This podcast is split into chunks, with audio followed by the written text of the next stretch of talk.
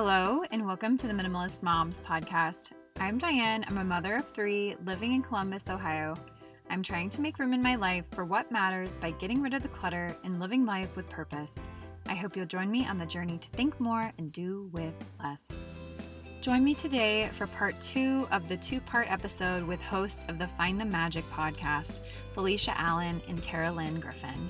Last time we discussed non negotiables in parenting how we can distill down to what our kids really need, in four pillars of parenting our children. But this episode will focus on discipline. Felica and Taralyn will bring us their favorite tips on discipline as well as how to create an environment of teaching over punishment and reward. What does it look like to discipline minimally? Is there really such a thing? In true minimalist fashion, we talk about how to parent and talk less to get more results. But before we get to the interview, I want to tell you about a new sponsor of the podcast, Jonas Paul Eyewear. Founded by Ben and Laura Harrison when their son Jonas was born nearly blind at birth, this was extremely unexpected news that no parent obviously prepares for, but it really gave them a window into the world of blindness. Ben and Laura could have let Jonas's visual impairment dampen their spirits, but instead they used this new challenge as fuel to launch Jonas Paul Eyewear, which now specializes in glasses for kids and teens ages 4 through 16. Jonas Paul is a convenient way to try on glasses without even leaving your home, all just for a dollar. It can take time to choose the right pair of frames, but with Jonas Paul, there isn't that feeling of being rushed or being pressured before you're ready to make the purchase.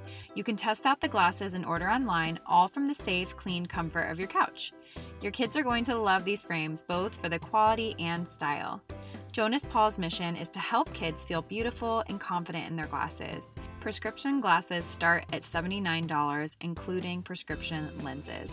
Blue light blocking lenses are also available, perfect for extra screen time and online learning. So, for listeners of the Minimalist Moms podcast, save 15% by using the code MinimalistMoms15 at jonaspauleyewear.com. One more time, that's use code MinimalistMoms15 at jonaspauleyewear.com. Thank you for always being so willing to listen to the sponsors of the podcast. As I said last week, I really do try and choose sponsors that I think you guys will like and need for this podcast because, as I said, I know we're minimalists. I know we're trying to live with less, but we are still living in this world and we still need to buy things. So I hope that I can somewhat help you stumble upon brands that you might not have heard of before. And I just appreciate you taking the time to listen. I hope you enjoy this second part of my interview with Felica and Taralyn. And here we go. I was going to say that we were just talking before we hit record, and I was concerned that we might not have enough time to fill the full 20 or 25 minutes about discipline. But then we started talking through it, and I think that we'll be just fine. I think that all of us probably have a lot to say. Oh, we could talk about this for hours. So, yes, there's so much good stuff here. Yeah, well, let's let's dive into our conversation. I'm going to allow you two to both tell me what it looks like for you to discipline minimally, if there's such a thing. Well, yeah, I would say that there definitely is such a thing, and it's so much less overwhelming than a lot of other approaches to discipline, or maybe our interpretations of what discipline is. And for me, the first step is uh, oftentimes, I think as parents, we think that unless we have read or researched the exact uh, response we should be having to everything our kids could possibly do, we end up just feeling inexperienced, not prepared, and overwhelmed with when our kids do something that we're like, oh, I don't know exactly how I should respond to that. So therefore, I feel paralyzed. But the beautiful thing is, there's just a simple way of looking at discipline that you can apply to almost any situation that doesn't require like a manual for each one. And I think that's where sometimes we get bogged down. We live in this amazing time of so much information and it's wonderful. I mean, I think that this is the best time on earth uh, to live. Like I am thrilled to live here at this time. But the downside is I think oftentimes we get bogged down with so much information that we feel like we can't actually trust our own parental instincts and we have to have permission to respond to our children in a correct way.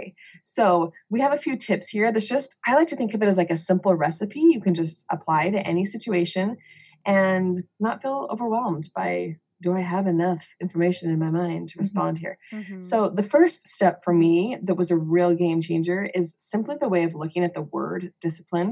Uh, the French use the word education instead of discipline. And for me, words are so powerful. And when I look at discipline as education or as teaching, it totally changes it for me that we have this amazing gift as parents that we get to teach our children how to behave in this world and get along with others and all those kinds of things. And it takes some time and quite a bit of effort. But when I look at it that way, it feels so much more loving and so much more respectful than picturing myself as this kind of punitive dictatorship Mhm, mhm. with a lot of um, very strict punishments. Mm-hmm. And however, as I say that, we're going to talk a lot about setting healthy boundaries. So there are boundaries and limits, definitely.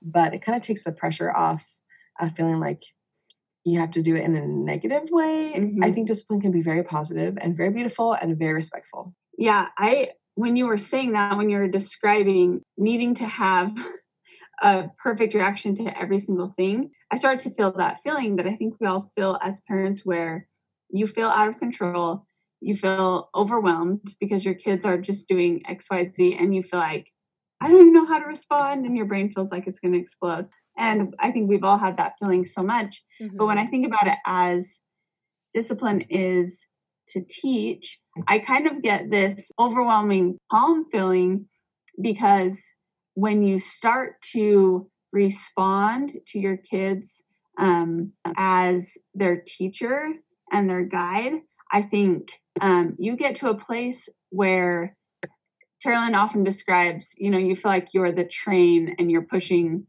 you're keeping everybody going. And I feel like when I'm in a mode of more punishment mode where I'm feeling like I have to take onto my plate everything they're doing Mm-hmm. and I have to solve it and I have to fix it, then I feel like if I stop for one second, everything's going to go off the tracks. yeah. But when I've been teaching my kids instead and coming at it from a place of that calm, I'm setting the limits before, and then in the moment, I'm taking the opportunity to pause and then teach them. I feel like they are much more self sufficient and Mhm. independent. And I feel like if I need to walk away, I can trust that, you know, the whole thing's not just going to blow up in my face. I think if you look at it from, there's kind of two, not really steps, but two modes of the time that you're disciplining. So there's things that you set up in advance so that you have to discipline less. These are my favorite. And then there's things that you do in the moment when your kid does something that you want to teach them is not okay or teach them to do a different way. So when when we're looking at before anything ever happens, anything um, that you need to discipline, we can look at setting up predictable routines and rhythms in our day. So that looks like, you know, when we wake up, we have breakfast at this time, and then you get a little free play time while I make breakfast, and then we're going to go on some sort of outing, then we're going to come back for a nap. And having those sort of routines and rhythms set up in your day, I think make it so you you just discipline a lot less because your kids know that okay, now we usually get ready and get in the car. Mm-hmm. So there's a lot less fighting when you say, okay, time to put shoes on. We're going to go to the library. Mm-hmm. Mhm. And I think setting up those things throughout your day really makes it so your kids don't have as much pushback throughout the day. Mhm. One of our favorite mentors uh, is Janet Lansbury about respectful parenting. And something that I love that's such a good thing to remember, especially when we're thinking about parenting minimally, is that I think oftentimes us as parents, we think that kids have the same level of ability to handle things as we do as adults. So Mm-hmm. we can plan our day with 10 things and we don't have to have a meltdown in between the transition between two. Yeah. And then it frustrates us that our two year old can't handle five errands and a play date because we can, but it might be too much for small children. So that's a good place to start is first of all looking at your day. Is there some semblance of routine that your kids can depend on?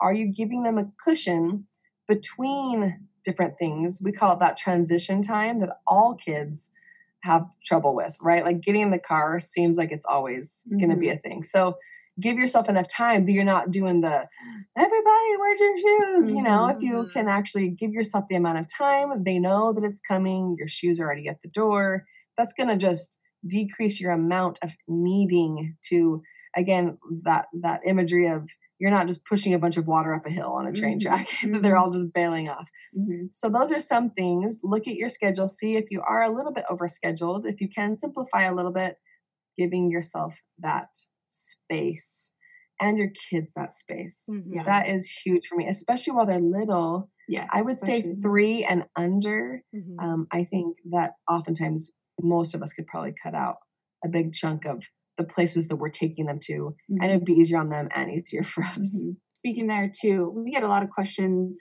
from people wondering how they can encourage their kids to free play without direction. And I think looking at, at what you're doing and what you have planned could be a big clue because I see that if you're kind of busing your kids places all the time, they get used to that stimulation and they're constantly interrupted at home in their free play. It interrupts that in their brain. It is going to be a big detox when they are then home one full day, kind of aimlessly wandering around. So that Mm. could help there too. And that applies to us as adults too. Oh, right? totally. sometimes I think we overschedule ourselves so much that when we're home in the silence, our brains start reaching for our Mhm. phones because we don't know how to be still. So exactly. it's a nice, I think all of us could use a little simplifying in our lives, and it really brings discipline into a much more beautiful space and a minimal space. Mhm. You know what I mean? It makes things a lot easier Mhm. if we can. I don't know about you, but there are days when I struggle to accomplish what I need to get done. I wouldn't say that it's self sabotage necessarily, but there are those moments that I feel like I'm my own worst enemy. Do you know the feeling? I ended up hearing about a new podcast called Inner Monkey, and the name intrigued me, and so I thought I'd give it a listen. The podcast focuses on the everyday struggles we have with loss of motivation or the mind games we can play with ourselves. The episodes of Inner Monkey are witty and informative. Episodes focusing on forgiveness, competition, getting back up after failure, and navigating regret, among many other topics. They're bite sized episodes, like six or seven minutes long, to encourage anyone who listens. I truly think that anyone could benefit from giving Inner Monkey a listen. So, find the new Inner Monkey podcast on your favorite player. The link is in the show notes for those interested. And now back to my conversation with Felica and Taralyn. You talked about that last time about, and this is something that I should know by now, having three children, but you talked about how adding at least minimum a half hour on the ends of your time for whatever you're about to go do. Because I'm like, no, we can just get out the door in five minutes. and then it's Mhm. you you you don't even for the most organized of us if i have everything kind of packed up there's always something i'm like running back into the house for and so that's just poor planning on my part which actually puts me into more of a reactive space when i'm parenting which is actually what i want to talk about next how to remain non-reactive because I do think that there are different personalities when it comes to parenting. I really like the idea of teaching when you reframe discipline as this negative, harsh thing. I think that automatically takes you out of a reactive space when you're like, how do I educate them? Mhm. And then also, just I guess here a tip at the forefront of this conversation is I who told I don't know, I can't remember who told me this, but when you not critique, but when you start to educate, that means you actually have to show them what to do. So for my 2-year-old, when Charlotte takes his toy and he hits her and I say, "No, that's not nice." And then I stop, I haven't told him what to do. I haven't instructed him how to handle that. He'll continue to do that because I haven't taught him how to react in those circumstances. I've just said that's not nice. So I think it's following through from start to finish with the education. And that's kind of helped me to be a little bit less reactive. But I want to hear your guys' thoughts. Mhm. Oh, Diane, I love this is a brilliant question. First of all, I just want to let you know you're not alone in having three kids and sometimes not giving yourself enough time in those transitions. I have four kids, and still sometimes I'm like, I know better. I know better. And something that helps there is I think if you can give your kids, I like to give them a 10 minute heads up before I even start the process Mm. of we are going to in 10 minutes start getting our stuff together to leave. So that does look like at least 30 minutes before you're going to go So so that they can prepare themselves, their little minds, like Mhm. we're going to move in. For me, once I get into that rushed state, I call it my patient skin has worn away. Like Yeah. the patience I feel like is gone and I'm not parenting from a good spot. So I just want you to know, and any listeners out there who are listening, you're not alone in feeling that. I'm always on time. It's never hard to get in the car. anyway, but uh, that question about how can we actually teach our kids, this is so brilliant because I think uh, a mistake, no, let's see, a misinterpretation of when people hear the word respectful parenting, they think it just means always being, always saying yes and letting your kids do whatever they want because we can't, you know, hurt their feelings. And that's not it. That actually just creates, uh, some people call them like the little, the tiny king Mhm. or a little monster. You could also say that word. Mhm. Um, so I love that you brought this up because yes, when our if our son hits our daughter, then what is our role? So let's. I'm glad you gave that example. Let's just walk through that. Let's plug it in and kind of walk through a few nice minimal ways to educate while still being respectful. Yeah, and I think the first step really there is something also you do before anything happens, and that is to really have clear boundaries and limits in your home. So your kids know in our house it would be not hurting people with your body or your words. For every house is going to be different. For me, one of my my boundaries is I I don't want anybody with me when I'm going to the bathroom. That sounds silly. And a lot of people don't care if their kids are just in the bathroom. And I know that's like a mom joke, but that's Mhm. one of my boundaries. And because I've said it, Mhm. my kids don't come in when I go to the bathroom. I Mhm. don't I don't have that experience because they know that, you know, somebody gets hurt, they'll come in and tell me, but that rarely happens. Or a boundary of we stay at the table all together during meals. So whatever your boundaries are in your house and your limits, if you talked about them before, then there is going to be a lot less discipline in the moment. And sometimes that I think is the really the trick altogether. I think it for me, I've noticed in my own life, it cuts down the time I need to actually like step in and intervene by I want to say at least half. Mm-hmm. Like for example, we have a boundary when when summer started. I hadn't set a specific boundary around. We have a specific boundary around screen time, but there was a game that my kids had been introduced to at school. It's called Minecraft, Yeah. and I hadn't set for the summer what we were going to do, and it was causing lots of issues with my son. Mhm. Like he kept asking every day, and I was saying no every day. And I just hadn't actually told him what I had decided for my summer boundary, which I decided on. It was once a week. He gets it for this small period of time on Wednesday. And then after that, it has totally eliminated the problem because I just hadn't been clear with him. I had decided for myself, actually. Mm-hmm. I had been clear with my own mind. But as soon as I told him we're going to do Wednesday at 10:30 for this amount of minutes, then anytime he asks throughout the week, I can say, "Oh, what day is it? What time is Mhm. it?" Mhm. Okay. And then he asked that maybe twice, and it hasn't even been an issue because it was just a matter of setting the boundary ahead of time. As you get older kids, Mhm. setting the boundaries ahead of ahead of time so they know where the limit is is a game changer. For toddlers, which in this hitting situation, all toddlers know they're not supposed to hit. So that you know it won't really help there with little tiny kids, and we'll, we'll show you how you can actually step in and intervene there.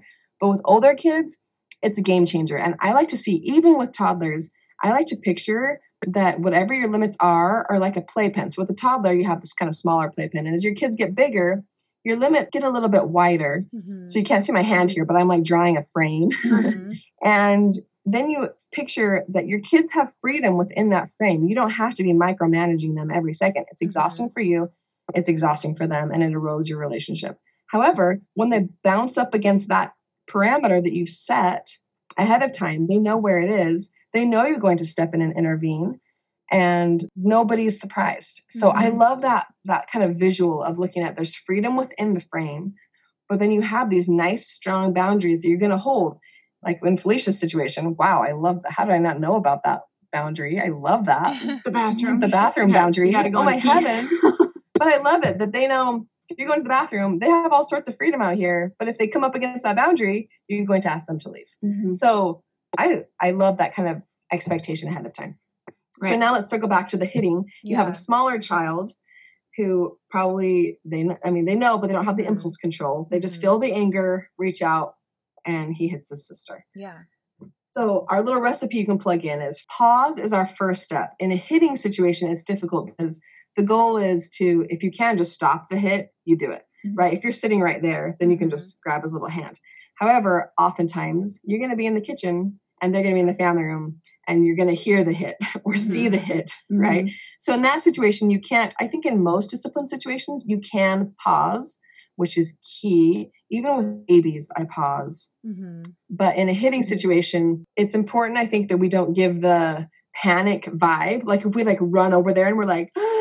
Oh my gosh, don't hit. Like you're like running like this is an emergency. They're going to feel that. If we can stay unruffled and just walk over, but like I'm still calm. You know, you guys at this point, the toddlers have probably lost it, right? The Mhm. sister's probably crying. Sometimes the brother in the situation is crying because it doesn't feel good to hurt other people. Mm-hmm. So that walk over, you're still like exuding like I'm still calm here, right? So that's, that's the first step Mm-hmm. is the pause in any situation. And in this situation, it would be just like getting over there to be with the two. And I think that's taking you out of that reactive state. Mm-hmm. And I think, man, the hurting siblings thing or sibling conflict is so, I think it's so triggering for us because we love all of our kids and to see them hurt each other, I think super triggering as a parent. Um, but I think if you can remember, and having three boys, I mean, it is Yeah. almost every minute in my house. I think if you can remember any, you know, my boys have done a lot of stuff to each other, and I see two things. One, they're learning from those interactions, and two, and there's there's more extreme circumstances, but for most kids, they're not really going to hurt each other that bad. So Mhm. I think sometimes we put ourselves in it. Like we have to be like, you did this, and then you did this, and you hit him, and that was mean. And you go down this into this role of putting yourself into that situation, and it just gets so messy because then you didn't really see it most of the time. You're going off what so and so said and what so and so said. So I think if you can, like Taralyn said, if you can stop the hurt when they're little, when especially when they're bigger, you're not going to really stop the hurt that often. But if you can just pause and if you don't know what to say in that moment, don't say anything. And I think mm-hmm. that's really hard as parents not to go off on a lecture. But And you can take a breath here as a Right. pause. You can be right there holding a child's hand yes, and actually like take a few breaths. That is a great space. And they can see you being like, I'm I'm actually not gonna Yeah. say anything right now because Yeah. I'm gonna take a few breaths. and I mm-hmm. think that's the key is most always, like you were talking about, if you haven't taught your kid if they're li- little, Mhm. um, then that's a different situation. But most always, our kids know what they did wrong. We've already Mhm. told them probably a hundred times in the past. Mhm. So I think that when we talk and talk and talk, we are kind of reinforcing, oh, I just know you're going to do this again, and we're just talk about it again. And I'm just giving you all this information. Instead, I think if we move into just the action, so for me, it looks like I hear the fighting, walk in, hopefully remaining calm. This is a perfect discipline situation. Sometimes we're not looking like this, but if we can take a pause and then I just remove. So if like they're hitting with like sticks or throwing toys, I will just mm-hmm. take those things away or remove one of the people from one of the kids from the situation. And it almost involves no talking or explanation because they already know. Mhm. And then it's just a super, we want to talk minimal space of I just remove the item or the person. And they really don't object because they know. Mhm. And They know what they kids did. receive action. We've uh there's this amazing book called Raising Lions, who he spent his entire life dealing with children who have really strong behavioral issues. Mhm. And his big thing is we talk so much. We talk our children's ear off, and they just learn that all they're going to get for something is words. Mhm. But action, not unkind action, and not action with anger or violence, simply calm, unruffled action Mhm. with a two year old that does look like picking them up and just taking them to the other side of the room so they can't poke their sister's eyes. Mhm. For older kids, it is just, for my kids, I just, I can't tell you how many times I've taken sticks. Like it's just calm, I'm Mhm. calm, I take the stick. You're hurting with the stick, I'm just going to take the stick and I take it away. Mhm. And most of the time now, they don't even cry about it. Sometimes Mhm. they do cry, and I allow them. I think that's another key to this whole thing is we allow our children whatever reaction they're going to have. So if we take the stick because they just hit their sibling with it, and we're calm, the chance of them staying calm is higher if we're calm. But they might cry about us taking the stick, and we allow them that reaction. Mhm. You know what? You're sad I took the stick, and we can simply say that. Simply observe what they're feeling, and that's it. I think Mhm. that's the beautiful thing. It is a minimalist approach because I think so much of the time we think we need to do so much more. Mhm. And I do want to say that when you were talking about teaching your son how to actually respond in that situation, uh, this advice comes from the book Calmer, Easier, Happier Boys. Um, and I've used this and it works so well with my young children. So in the moment, kids generally know that what they've done is wrong. They know they shouldn't hit their siblings. They know they shouldn't write on the walls with crayons. they don't they know all those things, right? So in the moment, you just plug in the recipe. You take a deep breath, you pause, you respond by stopping whatever's happening. That may mean moving, that may mean in this in the crayon situation, you take the crayon, you allow them their response, and you can simply observe. You're really frustrated that I took the crayon, but I'm not gonna allow you to have it because you drew on the walls. And that's it. Then later, now this is where the teaching I think that you're kind of suggesting here, Diane, I Mhm. think is so powerful. Uh, she calls it a replay, and that's what I've started calling it in my house, or a do-over Okay. later when the emotions are not there you're not in the moment i can sit down with my six year old and i can say remember today when you hit your little brother with that stick i can see you're really frustrated can you let's practice it just in our minds what would you do again you know and he'll say well oh he took my ball and then i was mad so i hit him with the stick Mhm. and I'd say, okay, so next time that happens, when he takes your ball, because it's not the last time your little brother's going to take your ball.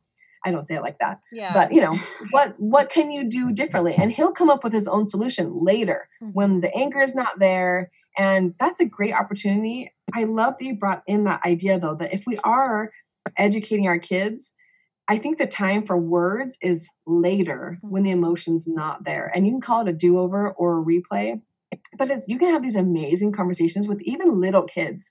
If it was a big enough deal that you're like, oh man, I need to teach them, they might not have known what to do in that situation. Mhm. You can talk about it later. But in the moment when they're crying, they're first of all not even going to hear it. And it's just going to sound like lecturing and it's not actually going to help them. So I think calm action in the moment. And later you can do the replay or a do over. And then you get both teaching calmly, setting that framework in the moment, but then you don't lose out on those beautiful conversations because Mhm. later, when they're not in the moment, they can be really beautiful and really sweet. I mean, they come up with really cute solutions and they can actually hear you. They can like Mhm. hear what you're saying Mhm. later. Yeah, that follow through, like I said, I think that that's the part that I know that I miss a lot of the time and that I've tried to get better about thinking of in the moment. And then I like, I don't remember which episode of your podcast you guys were discussing this, but I think Felica, aren't you really good at diaper changes? Isn't that what I was? I was hearing It's this somewhere. side skill Yeah, but you were saying how even with babies, if you get not aggressive, that's not the word because obviously we're not aggressive with our babies. If you're frustrated, you're giving off that vibe to your baby. And help me out here. What what exactly were you Mhm. saying? Well, I, I think we've all felt that feeling when you say not aggressive, but I've felt that feeling like, "Ugh," Yeah. like that building, very firm building up in my body. Mm-hmm. And in fact, you have an episode where um, you had a guest talk about that anger we can feel towards our kids. Mhm. And I think that is so, so real. And I mean, anyone who listens to our podcast, I've talked about how I came to respectful parenting because I think had I just gone willy nilly on the whole thing, I would have probably been kind of a really mad voice, Mhm. naggy, kind of frustrated mom. Yeah. I think that's probably more my natural. I'm not a naturally like Zen. Mhm. I'm definitely type A. I'm definitely more like control, let's do this type of a person.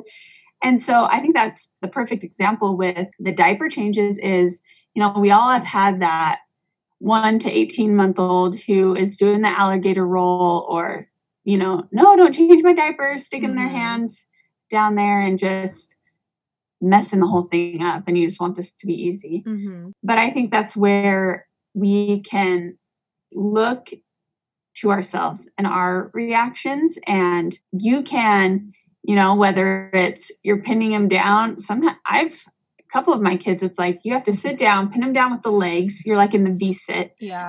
legs on the the arms holding them down or you know i've had to get to a space where i'm doing like the stand up diaper change Mhm. but if your energy coming into the diaper change is you know what you can alligator, alligator roll you can scream you can tell me you don't want me to change your diaper you can do whatever you want and i'm going to be unruffled about it to use janet lansbury's term Yeah. but i'm going to be calm and I'm just going to change your diaper. And then after you can scream and tell me how much you didn't like it, and I'm going to accept those emotions and then we're going to move on. And I think there's so many moments like that in parenting. Mhm. Part of that is freedom, right? We think, and I I remember thinking this with my first baby. This applies all the way down to when they're tiny. Mhm. We think that when they cry, it is somehow a reflection on us. Mhm. If they're losing it during a diaper change, we are failing as a parent, Mhm. right? Mhm. And it is liberating to re it's liberating to realize that they can feel whatever they want to feel and it isn't a reflection on us. And therefore we can allow it without reacting. And that's where the key is, I think, because you might think, well, great, Felica, you can stay calm during a diaper change, but what if I can't stay calm? And it usually has something to do with that. That Mhm. if our kid is freaking out, therefore we can't be happy if they're freaking out, right? Mhm. But once we realize that we are separate people and our child can be very unhappy about a boundary that we set, or they can be happy, unhappy as a baby because they need to cry for a little bit, or they can be unhappy that we're changing their diaper. And we can still react with love and allow that space. And you can simply say something like, You're you really don't want me to change your diaper right now, but I'm going to. And that's Mhm. it. Because they don't have a, you know, we're not going to just let them sit in a poopy diaper all day and get a rash. Yeah. Or the same thing with like a car seat. You don't want to get it in your car seat, but this is a safety thing. I'm going to put you in your car seat anyway. And you can still do it with firmness. You still have to move their arms through the car seat and buckle them in while they're crying, but you can actually not have to take on that emotion, right? You don't have to say they're freaking out, therefore that's a reflection on me and I'm freaking out. You can simply allow it Mhm. and observe it. And for me, just observing their emotions is the key for me to be able to do those things without actually like sending out the anger vibe myself. You know what I mean? I can simply say, Oh, you really don't want that right now. You're really angry right now. And just by me saying that, like, makes me see, oh, we're separate people. They see, oh, we're separate people. I don't have to be unhappy about that. And I think a lot of parents just internalize that their Yeah. kids having a tantrum at the store and they think this is a direct reflection on me and that's what's the painful thing that's what makes them react in anger but if you're simply this is a two-year-old having a tantrum i'm going to give them a safe space for it i'm going to take them out to the car and let them do it there you can react with so much less anger just by kind of liberating yourself from having to be attached to their emotions Mhm. because kids their emotions go up and down a ton and if we're attached to them if we feel like we have to feel it with them it gets really exhausting. And it's a much more minimalist approach, I think, to say you can have your emotions and I can observe them, but I'm going to choose to keep mine. And it kind of it's liberating, I think. Once I discovered that, even with babies, it was liberating for me to be like, oh, you can just be unhappy. Your diapers changed, you're fed, Mhm. and I'm going to hold you while you cry, but I don't have to shush you Mhm. and stick something in your mouth because you're crying. I can simply allow it and observe it with empathy. Yeah, I think that's the Yeah. biggest thing is remaining non-reactive. And I've talked about this on several of the other podcasts where we talked about not being reactive in our parenting, but I think kind of how I want to end all of this in this discussion is just that we can take the stress and the pressure off of ourselves to just allow our kids to have their emotions and when we amp up our energy, if I am yelling he is going to yell right back. I see him amp up. And so I think if we can just take the pressure on ourselves to have to fix every little thing and to just allow them to be, and then, like you said, to follow through at the end of the day and kind of check back in, I think that's really helpful as well. Yeah, I agree. That's a beautiful way to think of it. I think we set the tone. I, kids are like little anten- emotional antennas. They can totally feel when we're sending out that angry vibe. and there's been times both of our kids we laugh about it because we'll, we're thinking we're using a really calm voice, but we're not feeling calm. Yeah. And our kids will say something like, "Mom, you're using a nice voice." Yeah. But I'm not feeling it, you know, yeah. something like that. They can totally feel it. Mm-hmm. So I think that's a good. So just as a review to plug that into when you're in the moment, you take a you pause, you check in with your own emotions, you allow them their emotions. You can observe what they're feeling if that helps you. It helps me a lot. Uh, oftentimes it takes doing less words, mm-hmm. more just calm action. Within siblings, we let them work it out. Oftentimes, uh, unless we feel like it's something we need to intervene with. Mm-hmm. And then later do a review. Those that's kind of our thing you plug in and ahead of time the ways you prevent having to discipline often mm-hmm. is uh, you set up your rhythms and routines, you give a cushioning and transitions, and you set healthy boundary and limits ahead of time. Yeah. That will cut down it for me that's the key to the whole minimalist approach is mm-hmm. those things you do ahead of time really cut down later yeah. when you have to do in the mm-hmm. moment. Mm-hmm. Do you guys have any resources, maybe some favorite books that you'd like to share with listeners if they're off the top of your head? Sorry, I didn't prompt you for that. No, totally. I think we mentioned a couple of them, but I really love Raising Lions and Calmer, Easier, Happier Boys. Having three boys, I feel like both of those hit a lot of things that my boys would do. I feel like each gender is unique. Each kid is unique, 1st mm-hmm. of all. But also, I do think that there is a lot of disciplining within gender that's different. Yeah. And we can send you, Diane, we'll send you the link to, we actually have a whole list of our very favorite books. Oh, great. But my two go tos, if parents are interested in learning more about respectful parenting, if you have young kids, three or under, Elevated Childcare by Janet Lansbury is like the Bible for me okay. of that age. I mean, the way she says it, I, I'm like, oh my gosh, I can do this. It's so beautiful. And then another one as your kids get older is Peaceful Parents, Happy Kids. If you were to ask me what my two go to books are, those are probably that for me. Mm-hmm. Do you have any other ones? And we'll we'll send you a link yeah. of these specific ones, and then we'll also send you a link to. We again have like twenty that we love. Yeah, no, so, yeah. If you really want a deep dive, you can just keep going. Yeah, and one more, all you your minimalist listeners would love Simplicity Parenting. Oh, mm-hmm. yes. Mm-hmm. By Kim John Payne. And yeah. it kind of encompasses the rhythms and routines, simplifying your home environment, and then also how that plays into simplifying your parenting. That one is amazing. Yeah, absolutely. That is a great one. Well, I was going to say, I feel like we still could expand a little bit more, but I'm going to cut us off here. We've been talking for about 40 minutes. So and I was worried we couldn't go for 20. I just appreciate you both and just sharing anecdotes from your own life. I think that's so helpful when we actually hear how I guess this looks in action. I feel like that's really helpful when my guests do that. And I appreciate you guys coming back on today to discuss discipline. Of course, Diane. We love talking to you. Thank you. What did you think of the interview with Felica and Taralyn?